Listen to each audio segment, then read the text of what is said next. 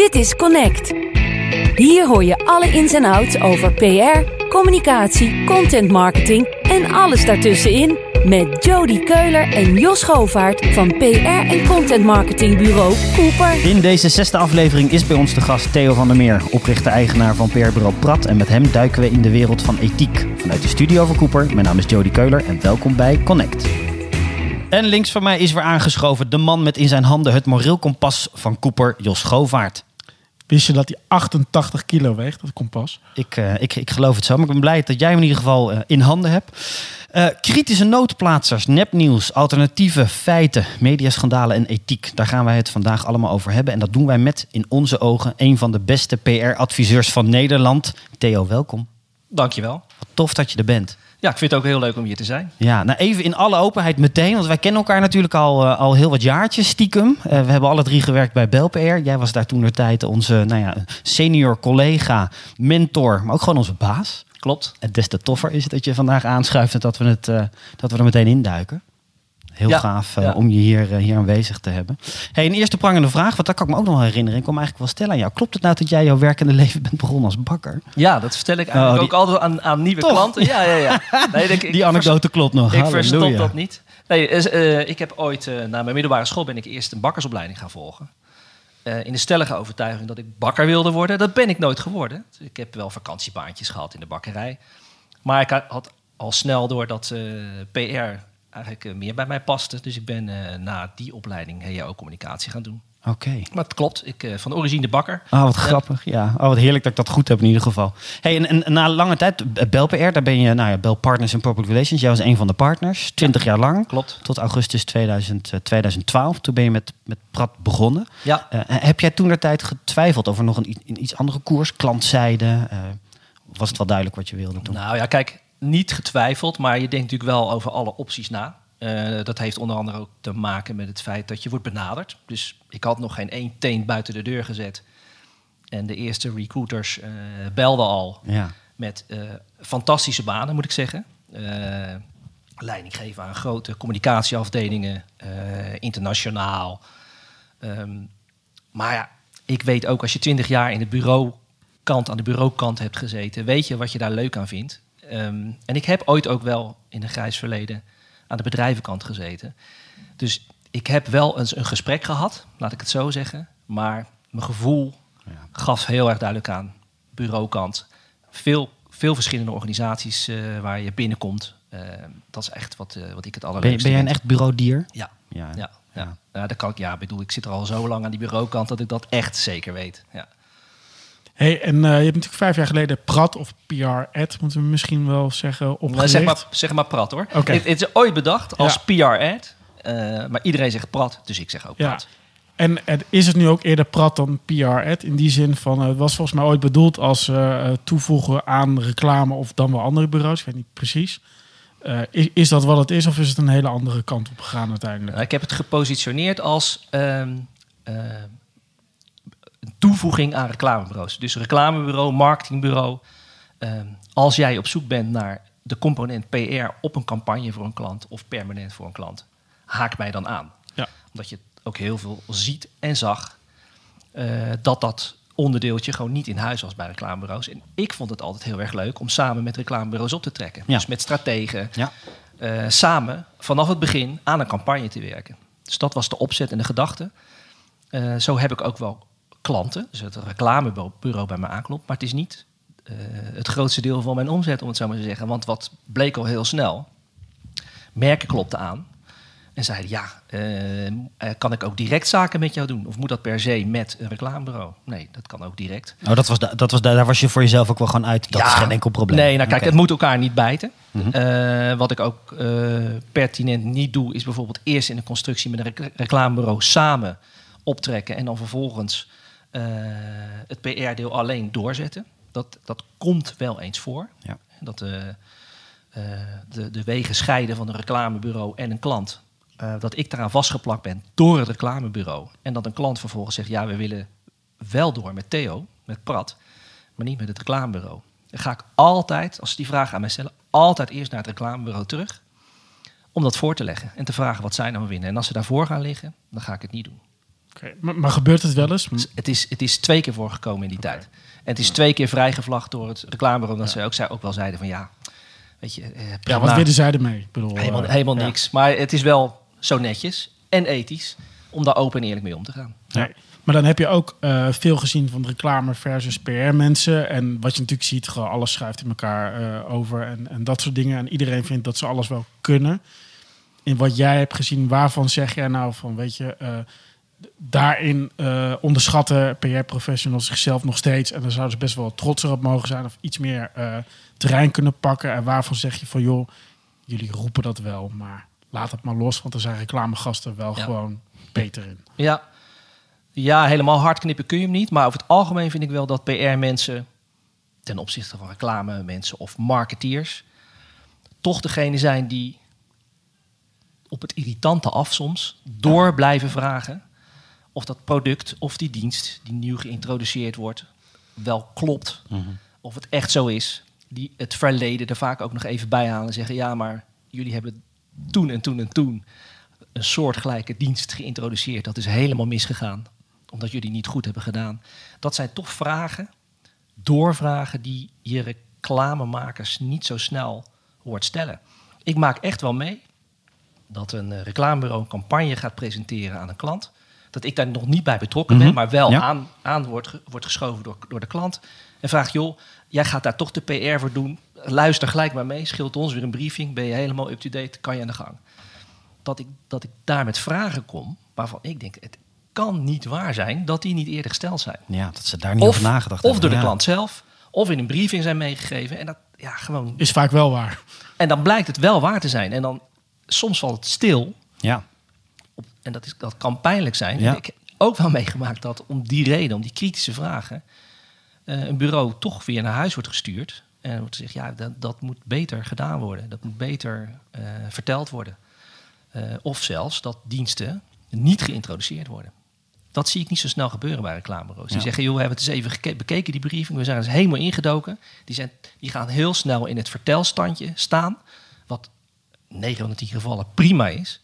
Maar in 1 van de 10 gevallen niet.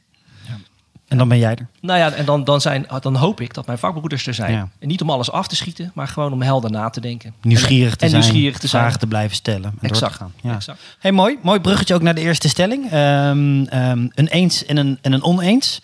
Eh, graag van jouw kant. PR-professionals vormen het geweten van een organisatie. Ik zeg eens, maar ik ga natuurlijk gelijk wel even wat toelichten. Nou, vertel. Ehm, ik vind dat ze dat wat vaker zouden mogen zijn. Dus dat is eigenlijk meer een wens dan dat het nu per definitie zo, is. En ehm, eh, ik denk ook dat het eh, zo is dat ze in een rol in een organisatie, als ze intern bijvoorbeeld zitten, ehm, eh, bij gebrek aan andere medewerkers die kritisch zijn, in die rol gedrongen worden. Wij zitten altijd aan het einde van de pijplijn. Ja. Dus er wordt aan ons gevraagd: breng dit naar buiten, verpak dit, vertel de boodschap naar buiten. Daar is al een heel traject aan vooraf gegaan. En eh, pas als de boter bij de vis komt, zeg ik maar, ik zeg het maar even, het staat in een persbericht, dan opeens wordt het kennelijk echt waar. Ehm, en zie je dat eh, organisaties schrikken en denken, ja, als het er zo staat, kunnen we dat dan nog wel waarmaken? En feitelijk heb ik dan niet eens mijn vinger opgestoken en gezegd, het klopt niet wat je zegt.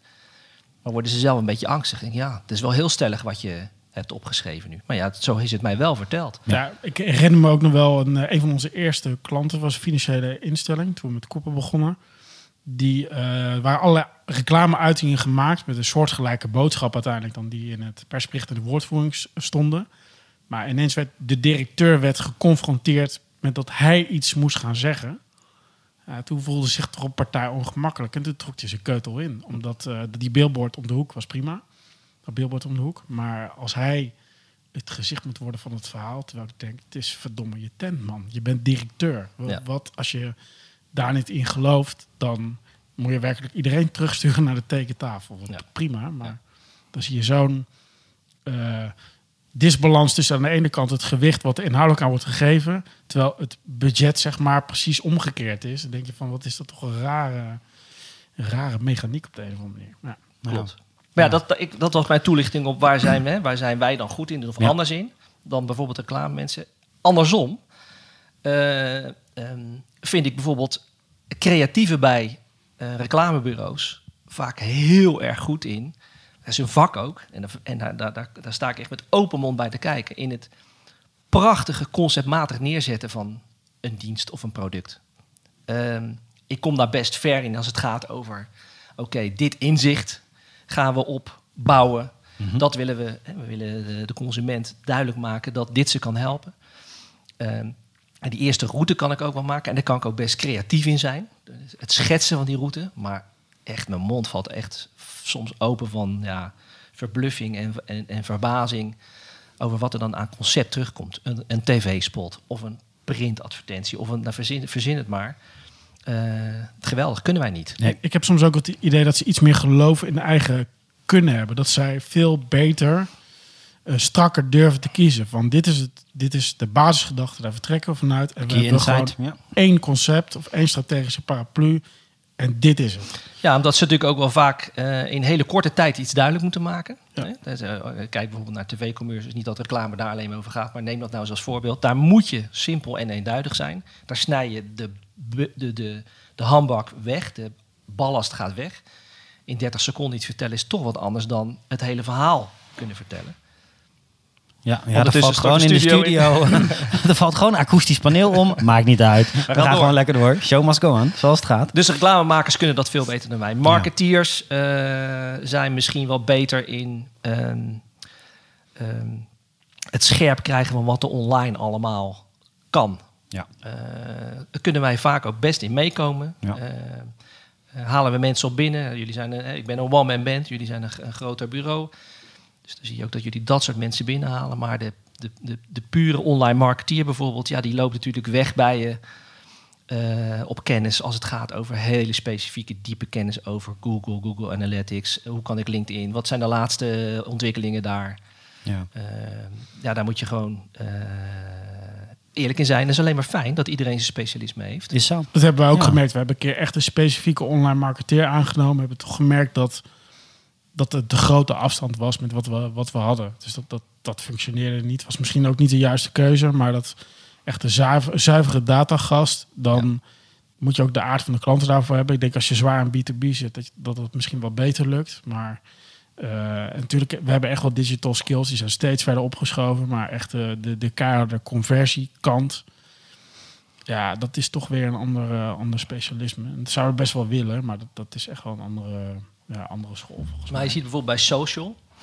Pas een avond meegemaakt van de Social Media Club eh, Utrecht. En, eh, vier specialisten op hele specifieke eh, social media platforms. Eén iemand die alles weet van LinkedIn. Één iemand die alles weet van Insta. Ja. Eén iemand die... Het is gewoon... Ik achteraf ook even met die mensen staan praten. Het is eh, ook daar bijna niet meer te doen om te zeggen... ik ben de social media specialist. Je moet je, moet je bijna op één platform gaan concentreren... om hele diepe kennis te kunnen verwerven... en die te kunnen verkopen aan Ja. klanten. Ja. Ja. en dan moet je afvragen hoe lang gaat die baan dan weer mee? Bedoel, dat is ja. relevant eh, zolang het eh, platform eh, relevant is. Hartst- Ja, en, en dan? Hartstikke. Nee, ik bedoel, het zou mijn business- businessmodel zeker niet zijn. Nee, ik ook niet. Lijkt me heel eng. Maar het is wel fijn dat er mensen zijn die dat wel hebben. Want daar klop ik dan mee aan. Zeg, Ja. Kom me helpen. Ja. En heb je soms te doen ook met, met die PR-managers die aan klantzijde zitten en het geweten van de organisatie moeten zijn? Die moeten kritische noten stellen, die moeten nieuwsgierig zijn, doorvragen. Maar ik kan me voorstellen dat de belangen intern ook wel anders kunnen liggen. Het lijkt me best een kluif. Is het. Maar ik vind het eerlijk gezegd als jij, ik noem maar even, baasje PR bent. En of je nou in je eentje zit of met een hele afdeling.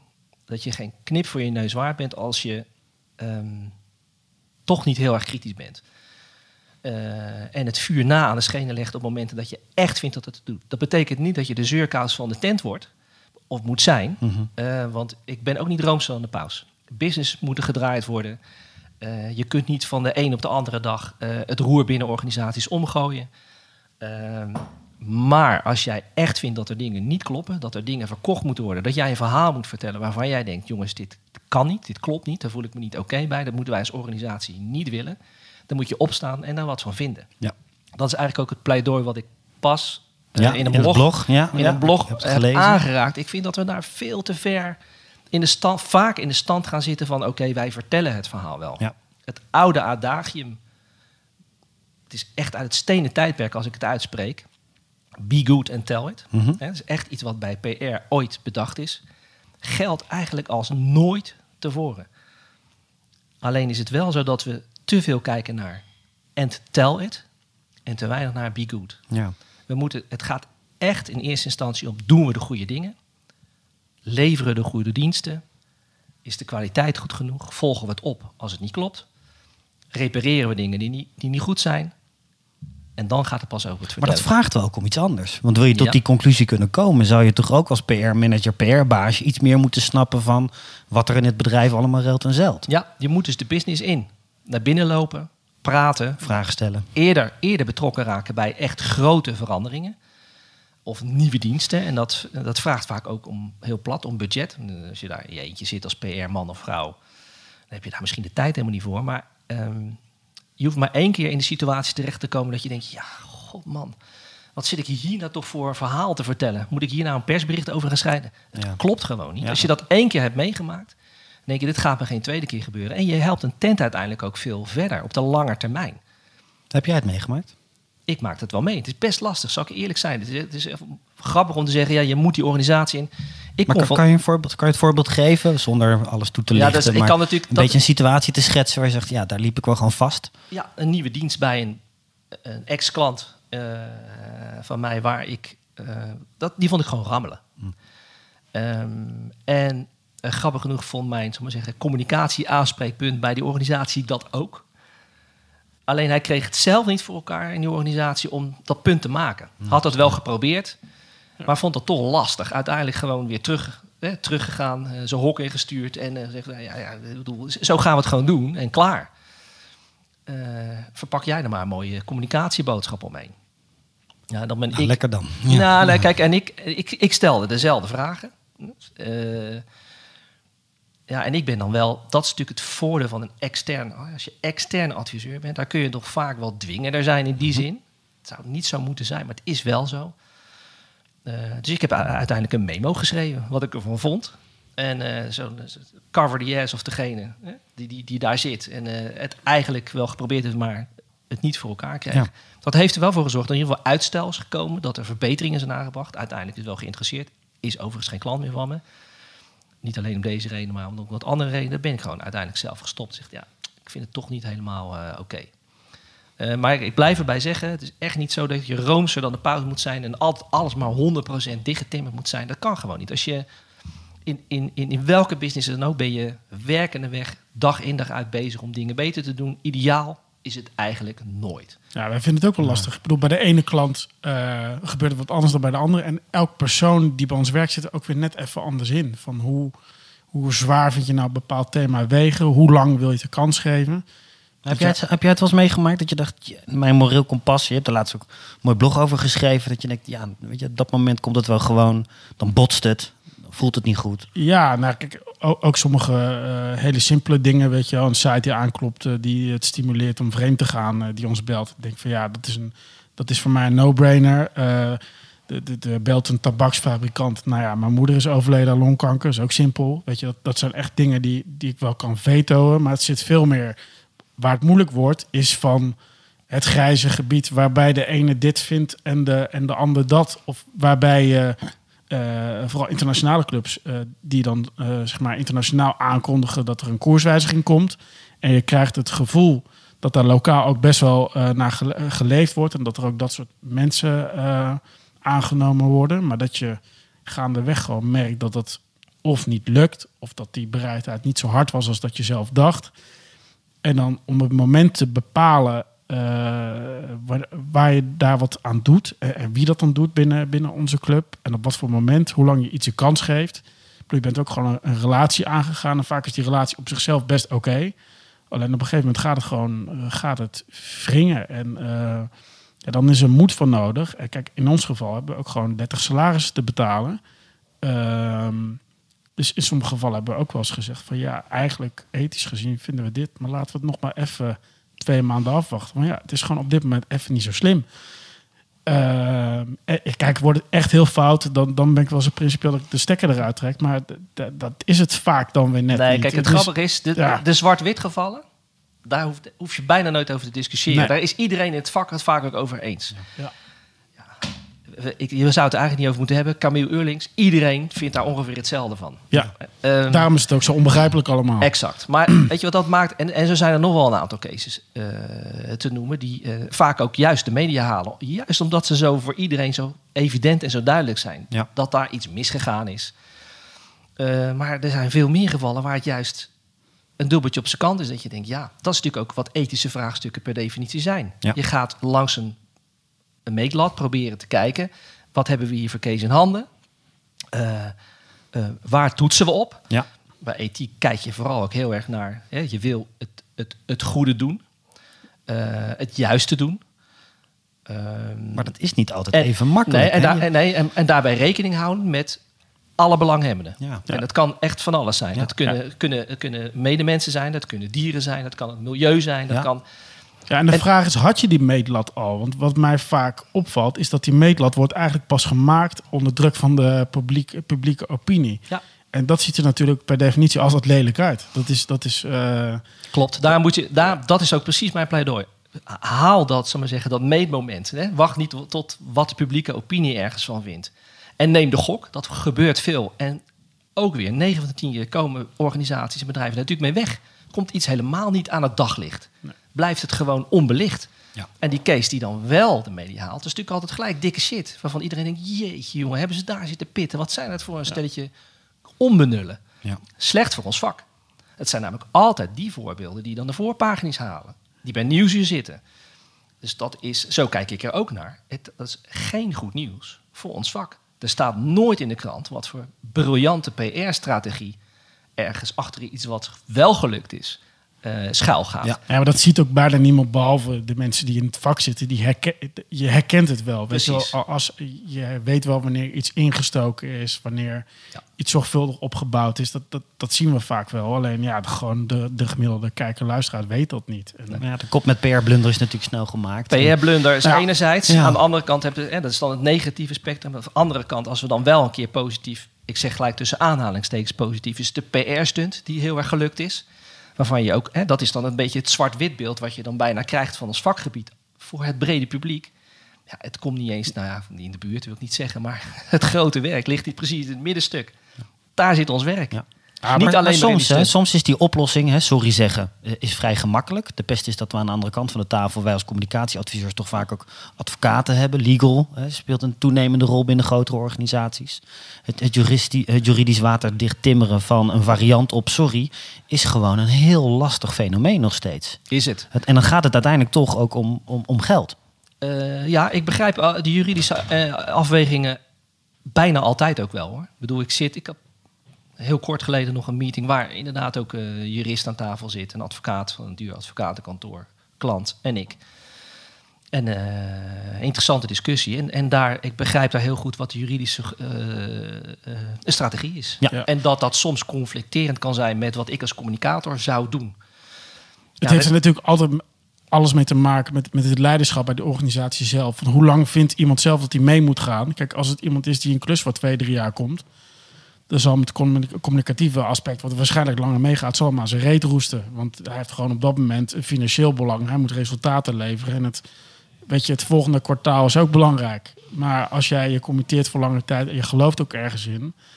Ja, weet je, dan, dan zeggen alle reputatieboekjes van eh Kees Verriel zeggen gewoon, je moet eh, ergens voor opstaan. En dat, Ja. hoeft, dat hoeft niet overal eh, voor. En als je in je eentje opstaat, is het vaak niet zo handig. Dus zoek, Nee. je, zoek je bondgenoten. Maar ja, dan moet je wel eh, zuiver in de wedstrijd zitten. En dat is natuurlijk met passerende directies, met aandeelhouders die je tevreden moet houden. Eh, ja, ga- er maar aan staan. Is, is, die, Eh, is die druk toegenomen in de afgelopen zeg 20, 30 jaar in jouw carrière dat je merkt van ja, die druk van de advocatuur intern, ja, die is toch wel flink opgelopen. Nou, laat ik het zo zeggen. Ik denk dat hij er altijd wel is geweest, maar hij manifesteert zich wat meer naar de buitenwereld. Het is gewoon ook gewoon hè, de openheid, de transparantie, de snelheid van een Ja, aantal zaken. tijd. Eh zorgt ervoor dat dingen eerder op straat liggen. Eh, onder de pet houden is er bijna niet meer bij. Gelukkig maar, zou je kunnen zeggen. Eh, dus in die zin, ja, als de publieke opinie opeens een rol gaat spelen... neemt de druk per definitie op dit soort vraagstukken toe. Ehm, Ik zou ook wel benieuwd zijn of, je, of iemand een onderzoek zou willen doen naar de correlatie tussen de mate waarin grote bedrijven dividend uitkeren aan aandeelhouders versus dit soort beslissingen. Omdat dividend per definitie een redelijk korte termijn ding is. Weet je wel, dat is gewoon, gewoon de Mhm. poen van de aandeelhouders. Het, het zou mij niet verbazen als daar ergens iets te vinden valt. Dat denk ik ook. Goed. Interessante materie. Mooi verband. Gaan we toch eens induiken. Gaan we toch eens zeggen, we eens uitzoeken. Dat Maar over sorry zeggen, Ja. dat is ook wel aardig. Want wat je natuurlijk nu opeens, dat is echt van het laatste jaar, wordt alleen maar sorry gezegd over de commotie die ontstaan is. Niet over het voorval zelf. Ja, Maar de commotie die ontstaat. Weet je wel, stop daarmee. Ja. Wat een ongelofelijke humbug. Daar prikt iedereen doorheen. Het is echt om je groen-geel aan te ergeren. Toch zijn er vakbroeders die dat opschrijven en het iemand uit laten spreken. Doe dat niet. Wa- waarschijnlijk dat soort mensen die. de- mijn gedachte is, mensen omringen zich met, met eh soortgelijken of zo. Eh, er is ook een foto van eh Kamer Eurlings met twee prominenten die ze nog heel vaak gaan zien. Dat kan, dat kan naast niet anders, maar dan, dan heb je gewoon als, als lezer, als kijker, als consument heb je ook gewoon een beeld van ja, weet je wel, die mannen zitten alleen maar met, in het Vondelpark met elkaar en die hebben gewoon geen idee meer wat er in de, in de wereld gebeurt. En dan denk je van ja, eh, zo zal het wel gaan. Ja, Ik weet niet. dat is ook lastig. Hè. Eh, ehm, eh, daar vind ik overigens ook wel wat van. hè. Zo'n zo'n eh, case met Camille Eurlings waar iedereen wat over te zeggen heeft. Ja. Daar hoor je mensen over zeggen, vakbroeders over zeggen... ja, weet je, begin daar nou niet over, want je kent de case niet. Anderen zeggen weer, ja, maar ja, dit is zo'n belangrijk onderwerp. Het gaat over ons vak, daar moet ik wat van vinden. Of worden daarover gevraagd. Ja. Hè? Uitgenodigd bij een radioshow, eh krant belt. Je wil er wat over weten, jij hebt daar toch verstand van. Voor beide is natuurlijk wat te zeggen. Daar zoek ik de nuance ook wel op. Ja, we kennen de case niet, maar we kennen wel zoveel... dat we in ieder geval sowieso op ons eh, gevoel af kunnen gaan zeggen... ja, hier klopt in ieder geval zoveel niet aan. Dat er heel veel vragen bij te stellen zijn. Ehm, en het helpt ons vakgebied natuurlijk ook wel om het er toch maar over te hebben. Juist te Wat- bespreken, Wat, ja. jammer is, is dat dat te veel blijft hangen in het moment. Ehm, allemaal op die ene case. Allemaal op die ene man. Eh, nou ja, na een maand, laat ik het zo zeggen, dan hoor je er eigenlijk niemand meer over. Ga nou eens echt een discussie voeren met het vakgebied over dit soort zaken. Want voor mij part achter gesloten deuren. Want wat hier lastig aan is, is dat degenen die er echt bij betrokken zijn, zou het liefst aan tafel hebben. Ik zou Jan Driessen echt wel eens een keer, hè, er hoeft geen microfoon bij te zijn, wel eens willen horen, Ja. vertellen hoe dat Ja. nou precies in elkaar zit. Goed bevragen. Heeft Ja. hij, en dat is niet om hem de maat te meten, maar gewoon omdat het heel erg interessant is om daar wat van te leren. En wat zijn rol was, ik bedoel, daar hoor je ook weer tegengestelde geluiden van of hij nou wel Ja. of niet op het moment dat het toe deed erbij betrokken was, ja of nee. En, en dat We is- weten het gewoon niet. Nee, en wat daar lastig aan is, is dat je natuurlijk ook als eh, PR-adviseur, of je nou een bureau bent of een one-man bent, ben je natuurlijk ook wel gebonden aan de afspraken en de ethische afspraken die je hebt met een opdrachtgever. Je kunt niet altijd alles vertellen. Dat is zo. Ja. Dat is nou eenmaal zo. Je kunt niet, ja. ja. eh, eh, wat we ook niet weten is, dat heb ik overigens heel erg gemist in deze case.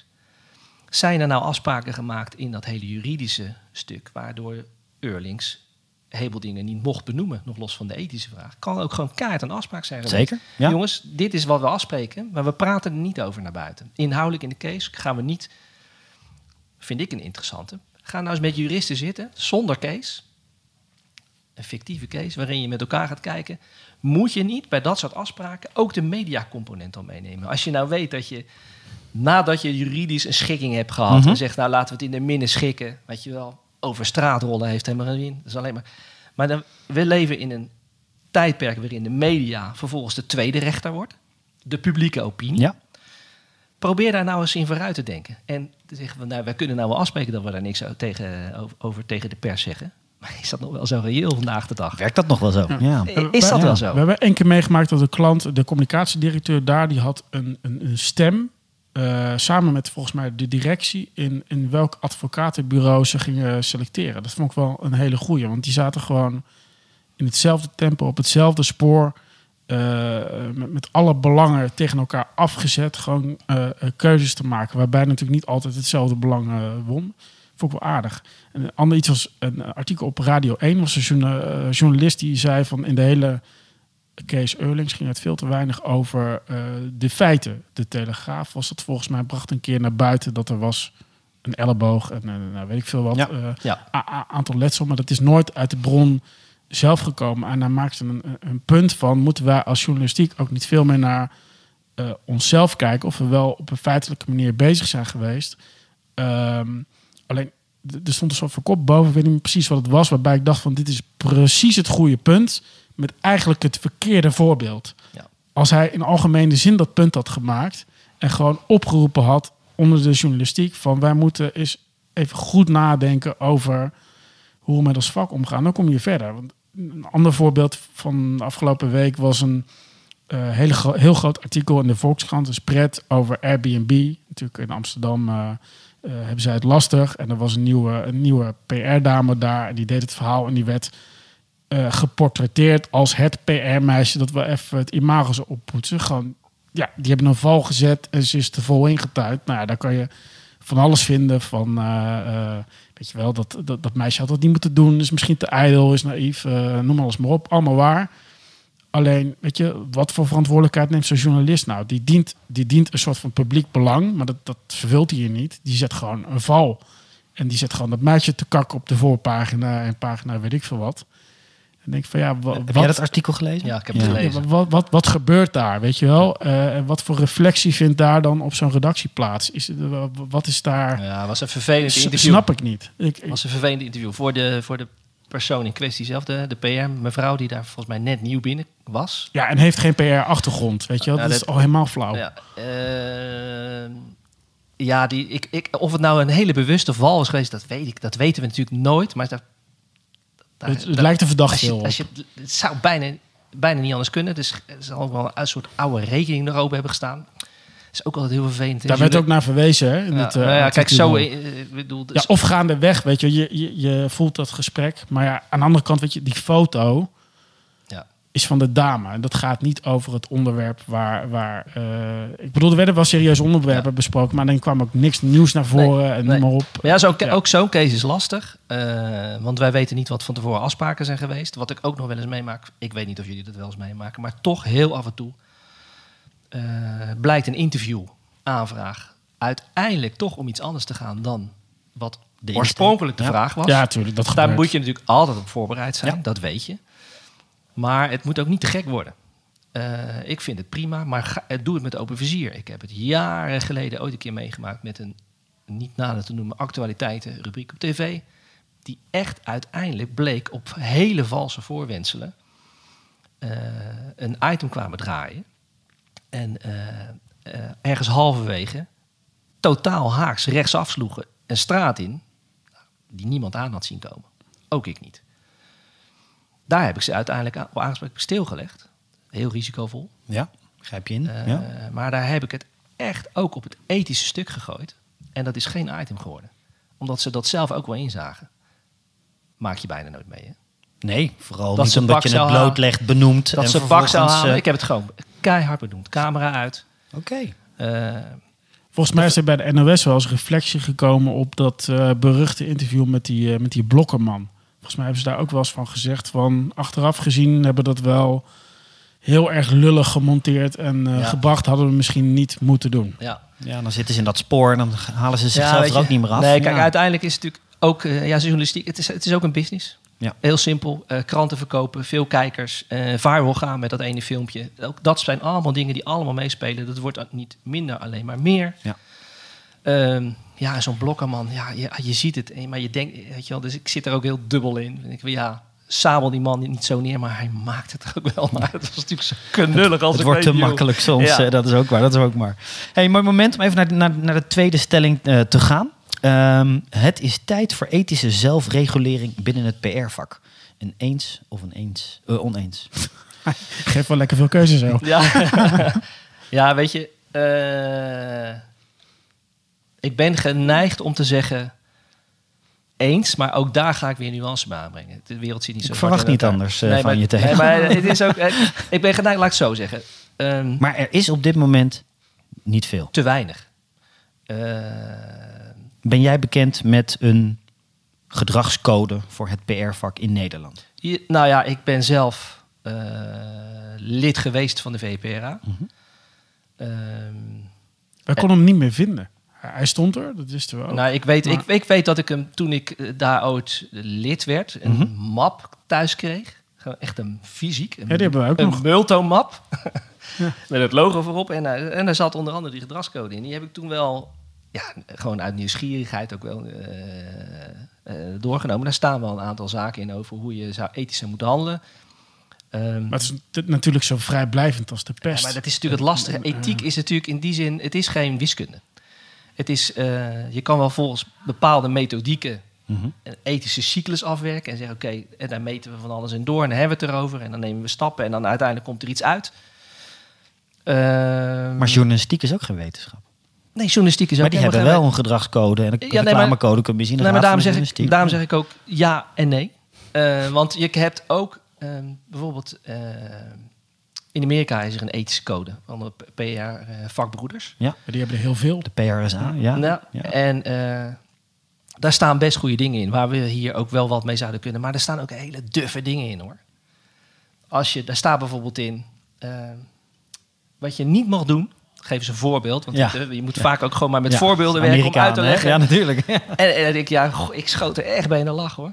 Eh, het is echt een onderwerp waar ik de laatste tijd wat meer over ben gaan lezen en wat me maatloos interesseert, meer dan eh, een paar jaar terug. Niet dat ik daar niet ethisch handelde of keek, maar ik wil het gewoon veel beter benoemen, beetpakken, kijken of ik het vak mee, ja, daarmee verder kan helpen. En dan ga je dit soort dingen lezen en daar staat dan bijvoorbeeld in. eh, als jij eh, als PR-man voor een ski, sk- skimerk werkt, dus hè, de skis die je onder kan doen, Ja. waar je lekker Ja. met de, de sneeuw kan, kan gaan, dan, eh, dan mag jij niet volgens die Amerikaanse ethische code eh, skis ter beschikking stellen van een journalist. Gratis ter beschikking stellen Ja, van die journalist die, die, die schrijft of een column heeft in een blad wat gaat over wintersport of over skiën of over ja, ja, ik denk, ja, weet je, hou maar op. Want als dat, in de, als dat, eh, als dat de ethiek Ja. zou moeten zijn, dan, dan Ja. kunnen we beter stoppen met z'n allen. Ja. Dat is net als eh, wij werken voor de merken van Coca-Cola. Dat we zeg maar eh, niemand dat mogen laten proeven of zo. Ja. Wat dan? Nee, dus dat is de. Gaat het etiket laten zien of zo alleen. eh, maar daarmee wil ik dus niet afserveren dat ze een ethische code niet moet zijn. Want er staan ook hele nuttige dingen in. Eigenlijk ook allemaal wat dingen waar je zegt, ja, jeetje. Maar vind je dat we daar toch in Nederland te weinig aandacht aan besteden? Als Eh, PR-industrie. Eh, het- het- tot nu toe, te- laten we zeggen, het wordt tijd dat we dat nu gaan doen. We hebben het lang zonder kunnen doen. Eh, maar de tijd vraagt, dat blijkt gewoon uit allerlei schandalen die nu voorbij komen. We hebben er nu al een aantal besproken. Wie moet die kar trekken? Dus, ja, wat mij betreft het vak. En dan kijken we heel snel naar een beroepsvereniging. Logaion? Ja? Logion vind ik de meest aangewezen, Ja. de grootste, de- de- dekt, dekt de grootste groep af. Er heeft Eh, ongetwijfeld een werkgroep eh, voor. Ik heb het ja. niet opgezocht. maar Nee, dat, dat ik, zal. Ik ook niet. En, eh, eh, maar die zou zo'n car goed kunnen trekken. En daar- waarbij je ook niet zegt, we moeten roeien dan per definitie naar zo'n ethische code toe. Maar ga het er in ieder geval eens even intensief met elkaar over hebben. Ga Ja. het er gewoon nou eens over hebben met elkaar. Ja. En dan niet alleen maar in een klein werkgroepje en Ja, eens een keer dat zal wel gebeuren dan, denk ik. Er zijn natuurlijk Ja. een heleboel mensen, net, net als jij, die hierin geïnteresseerd zijn. En achter de schermen gebeurt er waarschijnlijk van alles.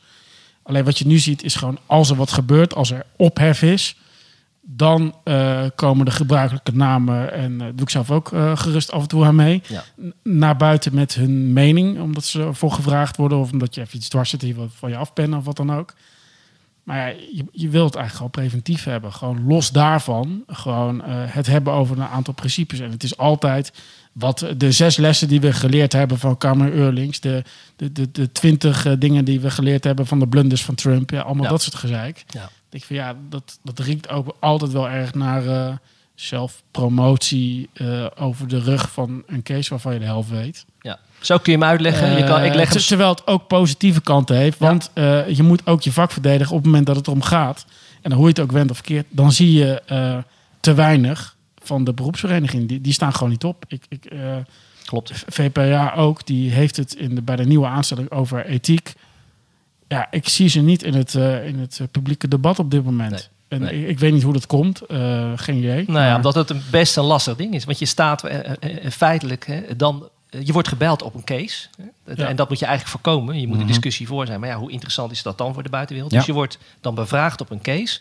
Waarvan iedereen evident ziet. Ja, jongens, broddelwerk. eh, slecht, slechte case, niet goed.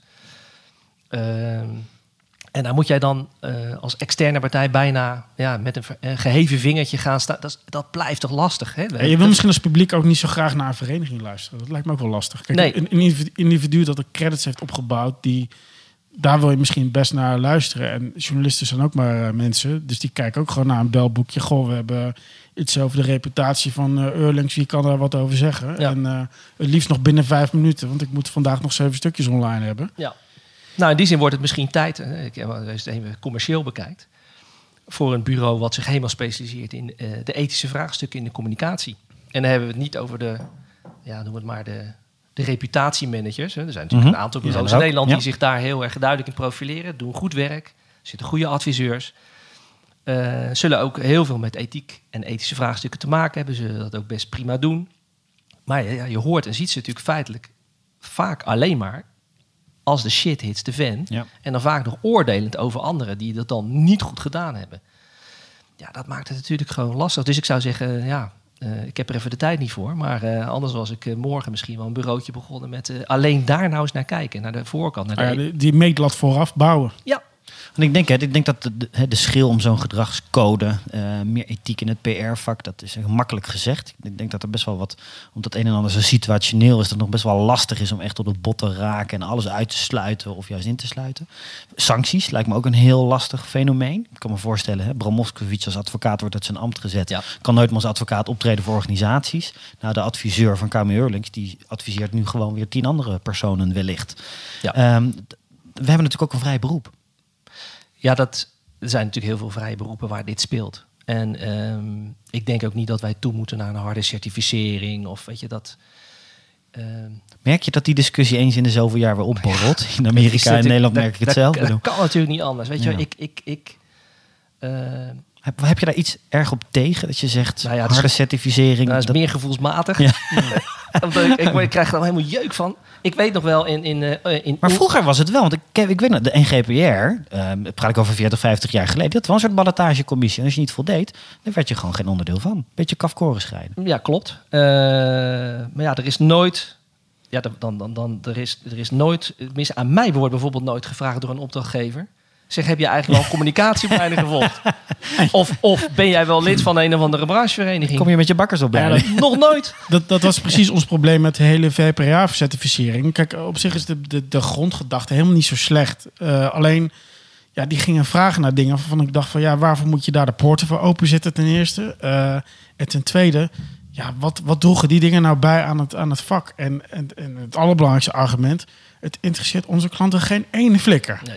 Nou ja, kijk, wat ze natuurlijk wel willen is dat jij ehm, je vak goed verstaat, dat je betrouwbaar bent. Ja. Ja. Maar dat verwacht je ook van de opdrachtgever, dat zij betrouwbaar zijn en Ja. dat ze vertrouwen wekken. En dat ze, dus dat moet wel ergens bij elkaar komen. En daar is het ook wel zo dat je, die partijen zoeken elkaar dan ook wel op. Dus Ja. ik denk dat eh, de schuimarcheerders onder de bedrijven dan waarschijnlijk gaan werken met de schuimarcheerders in ons vakgebied. Die zullen er ook zijn. En die zijn er, hè? Nee, Ja, Bel. Pottinger, ik bedoel, eh recept natuurlijk. eh, Zo'n club wat natuurlijk gewoon eh, failliet gaat naar aanleiding Maar van allerlei schandalen. Grappig genoeg. ehm, was dat een bureau waar al heel erg lang eh, over werd gezegd in de branche, onder vakgenoten. Ja, die, dat is echt, echt zo'n club die eh, voor, voor kwade zaken, zou ik maar Ja, zeggen. natuurlijk. Ja. Ja, Die bel je als het echt, weet je wel, als je echt dingen doet die Ja. niet Ja, meer als je, kunnen. Of als dat je even een oorlog moet stichten of zo. Of even een, Dus een die leider moet afzetten. die naam Van- hadden ze al lang. Ja, Ja. Die hadden ze al lang. En, Ja. en eh, zij zijn daar echt niet internationaal de enige in. Er zijn echt wel een aantal PR-bureau of netwerken...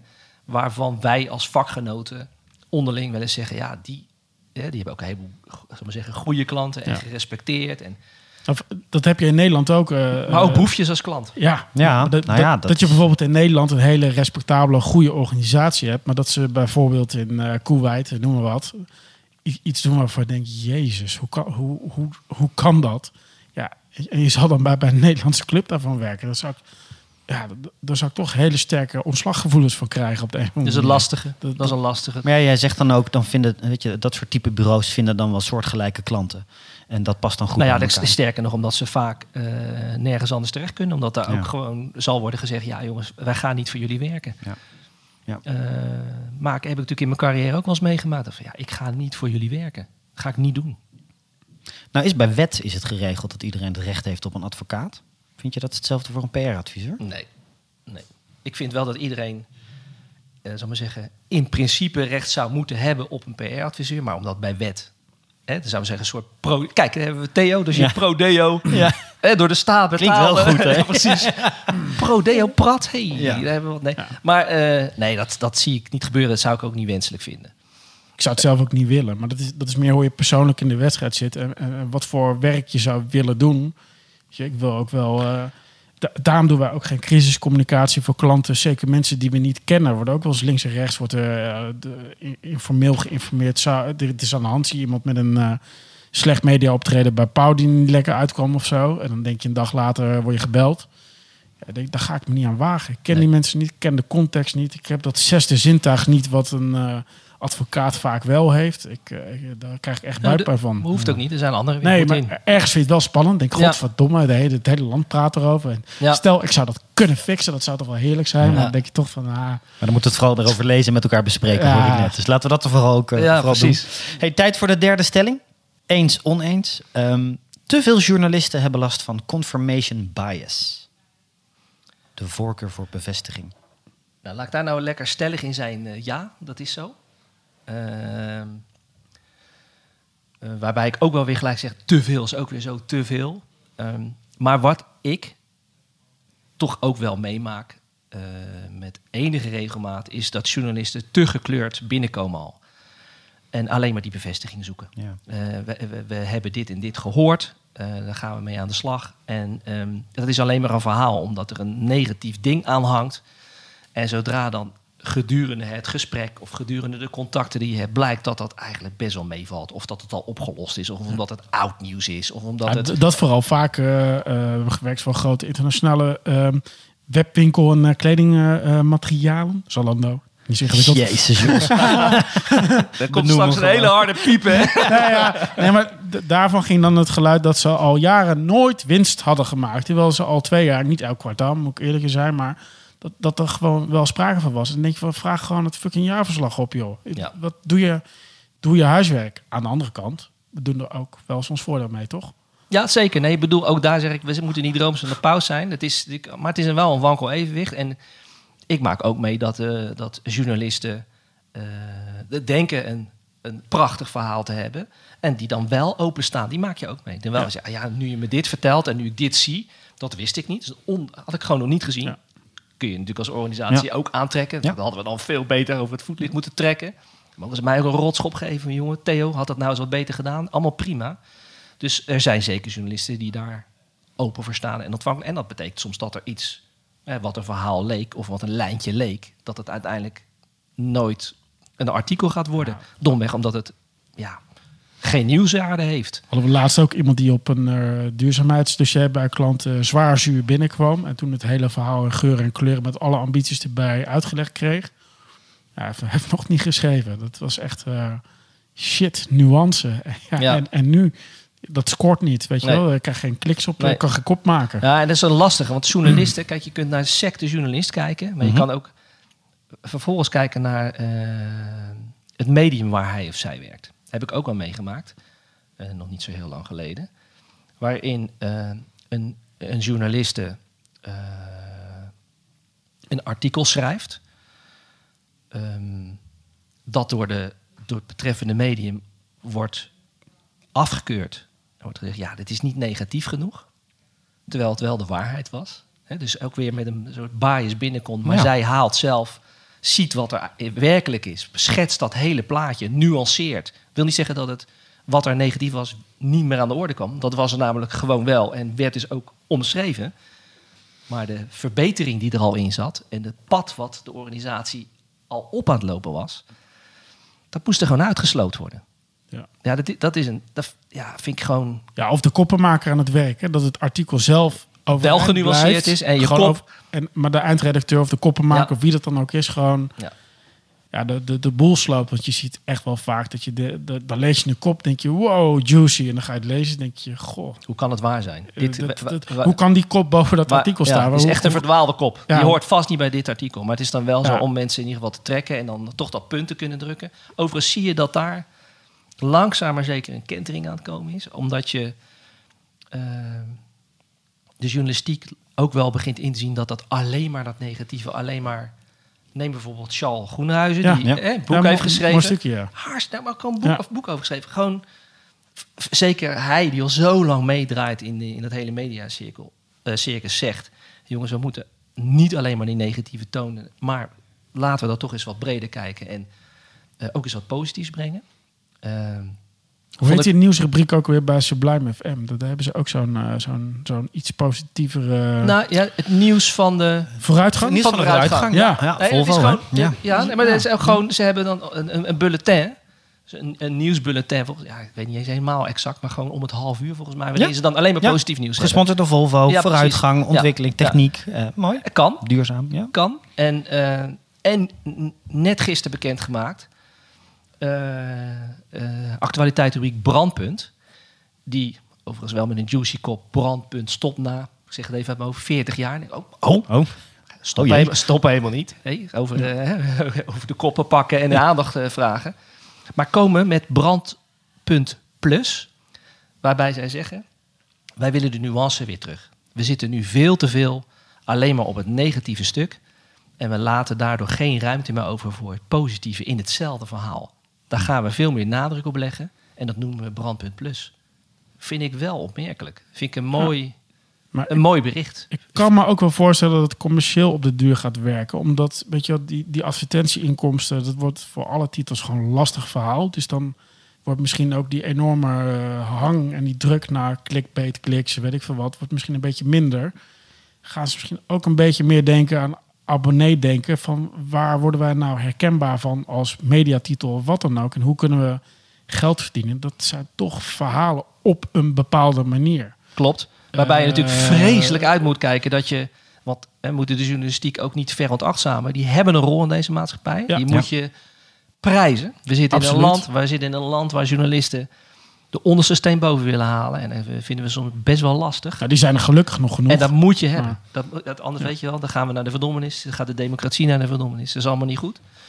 Eh, Is, is er veel veranderd in de afgelopen jaren? In, in- jouw opinie, als je, het, als je het hebt over de ondersteen, onderste steen boven krijgen? Want de recente cases leren ons ook wel dat dat niet altijd het geval is. Ze hebben geen tijd, eh ja, maar dat valt, investeren niet meer zoveel. dat, om- ho- om dat hele geluid hoor je, maar dat hoor je. Ik, ik, ik, ik merk dat soms, maar ook weer niet altijd. Er zijn echt zat goede onderzoeksjournalisten die de tijd en de vrijheid nog krijgen om eh, heel lang te speuren naar iets. En, en, en op het gevaar af dat er uiteindelijk heel veel werk in zit, heel veel tijd in zit, maar er toch niks, geen item over gemaakt kan worden, geen artikel over verschijnt.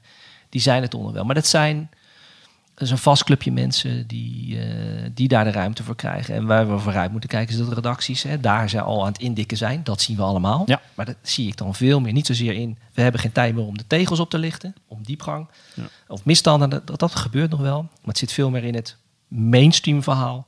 Waar ze even snel dat artikeltje tikken. Eh, omdat het online als eerste de deur uit moet. Omdat anders de tegenstander het al heeft. Ja, de snelheid. Die Ja. snelheid zit erachter. En daar gaat de nuance vaak ook gewoon zoek. Ja. Hey, als jij hoofdredacteur zou zijn hè, en je hebt eh, een bataljon journalisten onder je. eh, als je één ding moet noemen waar je ze aan het einde van het jaar eh, tijdens het gezellige kerstbroodje op zou, zou moeten afrekenen, waar zou je naar kijken? Nou ja, niet op aantal kijkers, lezers, clickbaits. Dat, het is makkelijker vaak met dit soort dingen te zeggen waar je ze niet op af wil rekenen dan waar ze Ja. wel op afrekenen. Want dat is dan de vraag, ja Theo, dat begrijp ik dat je dat zegt. Niet op clickbaits. Ehm, ja, toch, ik, ik denk, wie heeft nou het meest verrassende verhaal gebracht? En het hoeft niet te zijn, wie heeft het grootste schandaal naar boven getrokken? Dat kan iets heel anders zijn. Dus misschien als we het nou hebben over de trend... eh, meer plaats voor nuance, meer plaats voor positiviteit. Dan zou je bijna kunnen zeggen, we zijn van nature al zo ingesteld op, op zoek naar het negatieve. Wat best prima is. Laten we dan die prijs maar weggeven onder de kerstboom aan degene die het meest spraakmakende, positieve verhaal naar buiten heeft gebracht. Zou het dan ook helpen als de, zeg maar, de specif- specifieke online webredacteur gewoon niet meer bestaat? Omdat je gewoon verhalen maakt en gewoon maar, maar kijkt hoe je het naar beste naar buiten brengt. Maar dat je gewoon de journalistieke taak gewoon de, de kern laat zijn van wat je doet.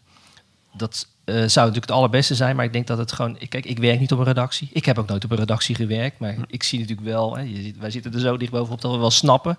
Het gaat overal zo anders. Dat, dat, dat, eh, dat valt me op. De, een, de een maakt wel dat soort keuzes. De ander zit vooral in grote aantallen. En Ja, maar- als je me snel en veel maakt. Nee, maar kijk, die hele journalistiek is natuurlijk al, nou, laten we zeggen, de laatste tien jaar enorm aan het zoeken naar...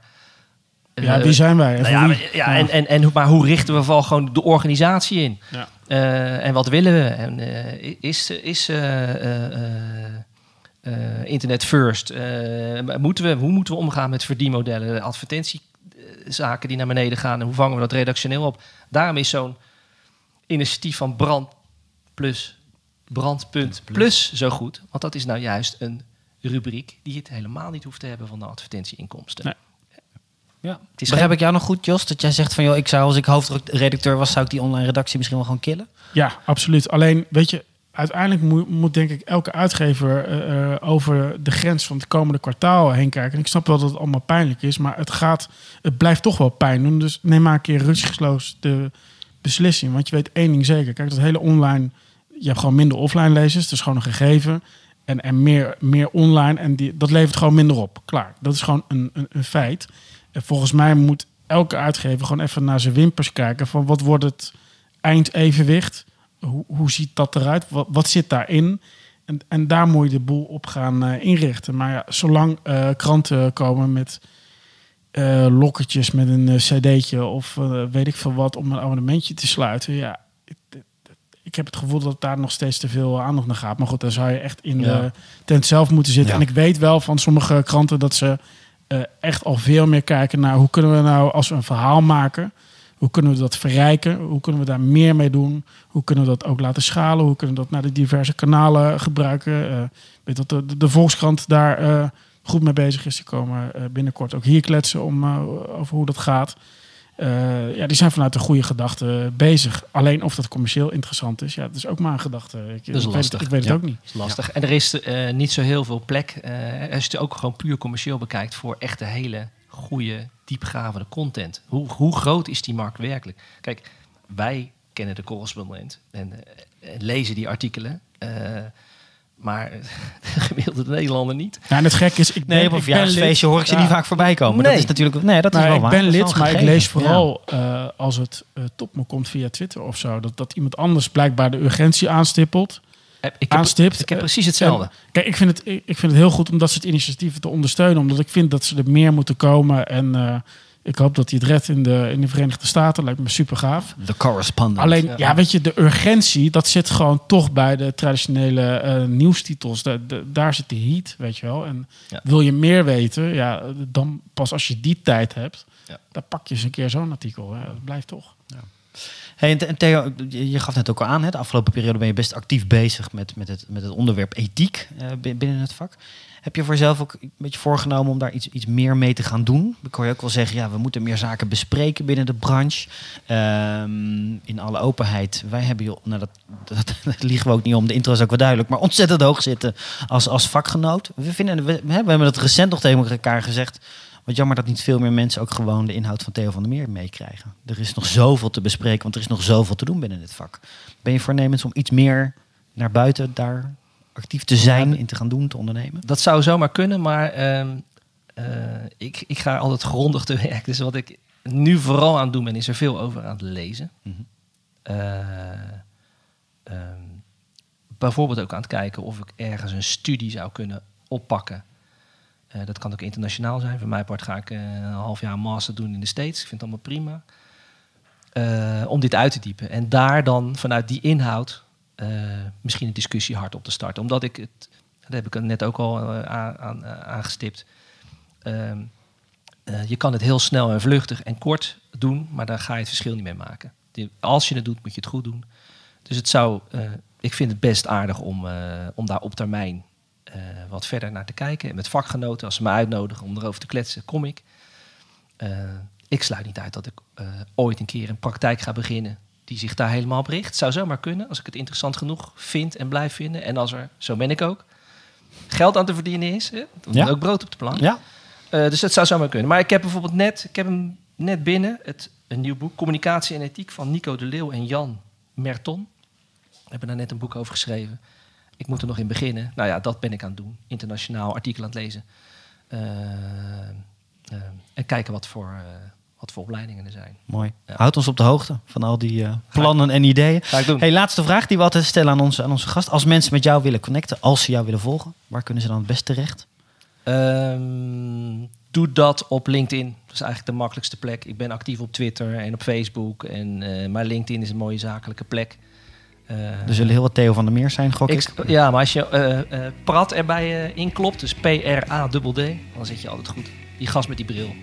Gaan we doen. Gaan we vinden. Theo, namens ons beiden, dankjewel voor je komst. Vond het leuk om hier te zijn. Dit was aflevering 6 van Connect. Wil je meer informatie? Bezoek dan www.cooper.nl slash connect voor alle show notes, cases en tips. Deze podcast wordt mede mogelijk gemaakt dankzij de interne support van Noortje Kleine en mediapartner Communicatie Online. Bedankt voor het luisteren en tot de volgende aflevering.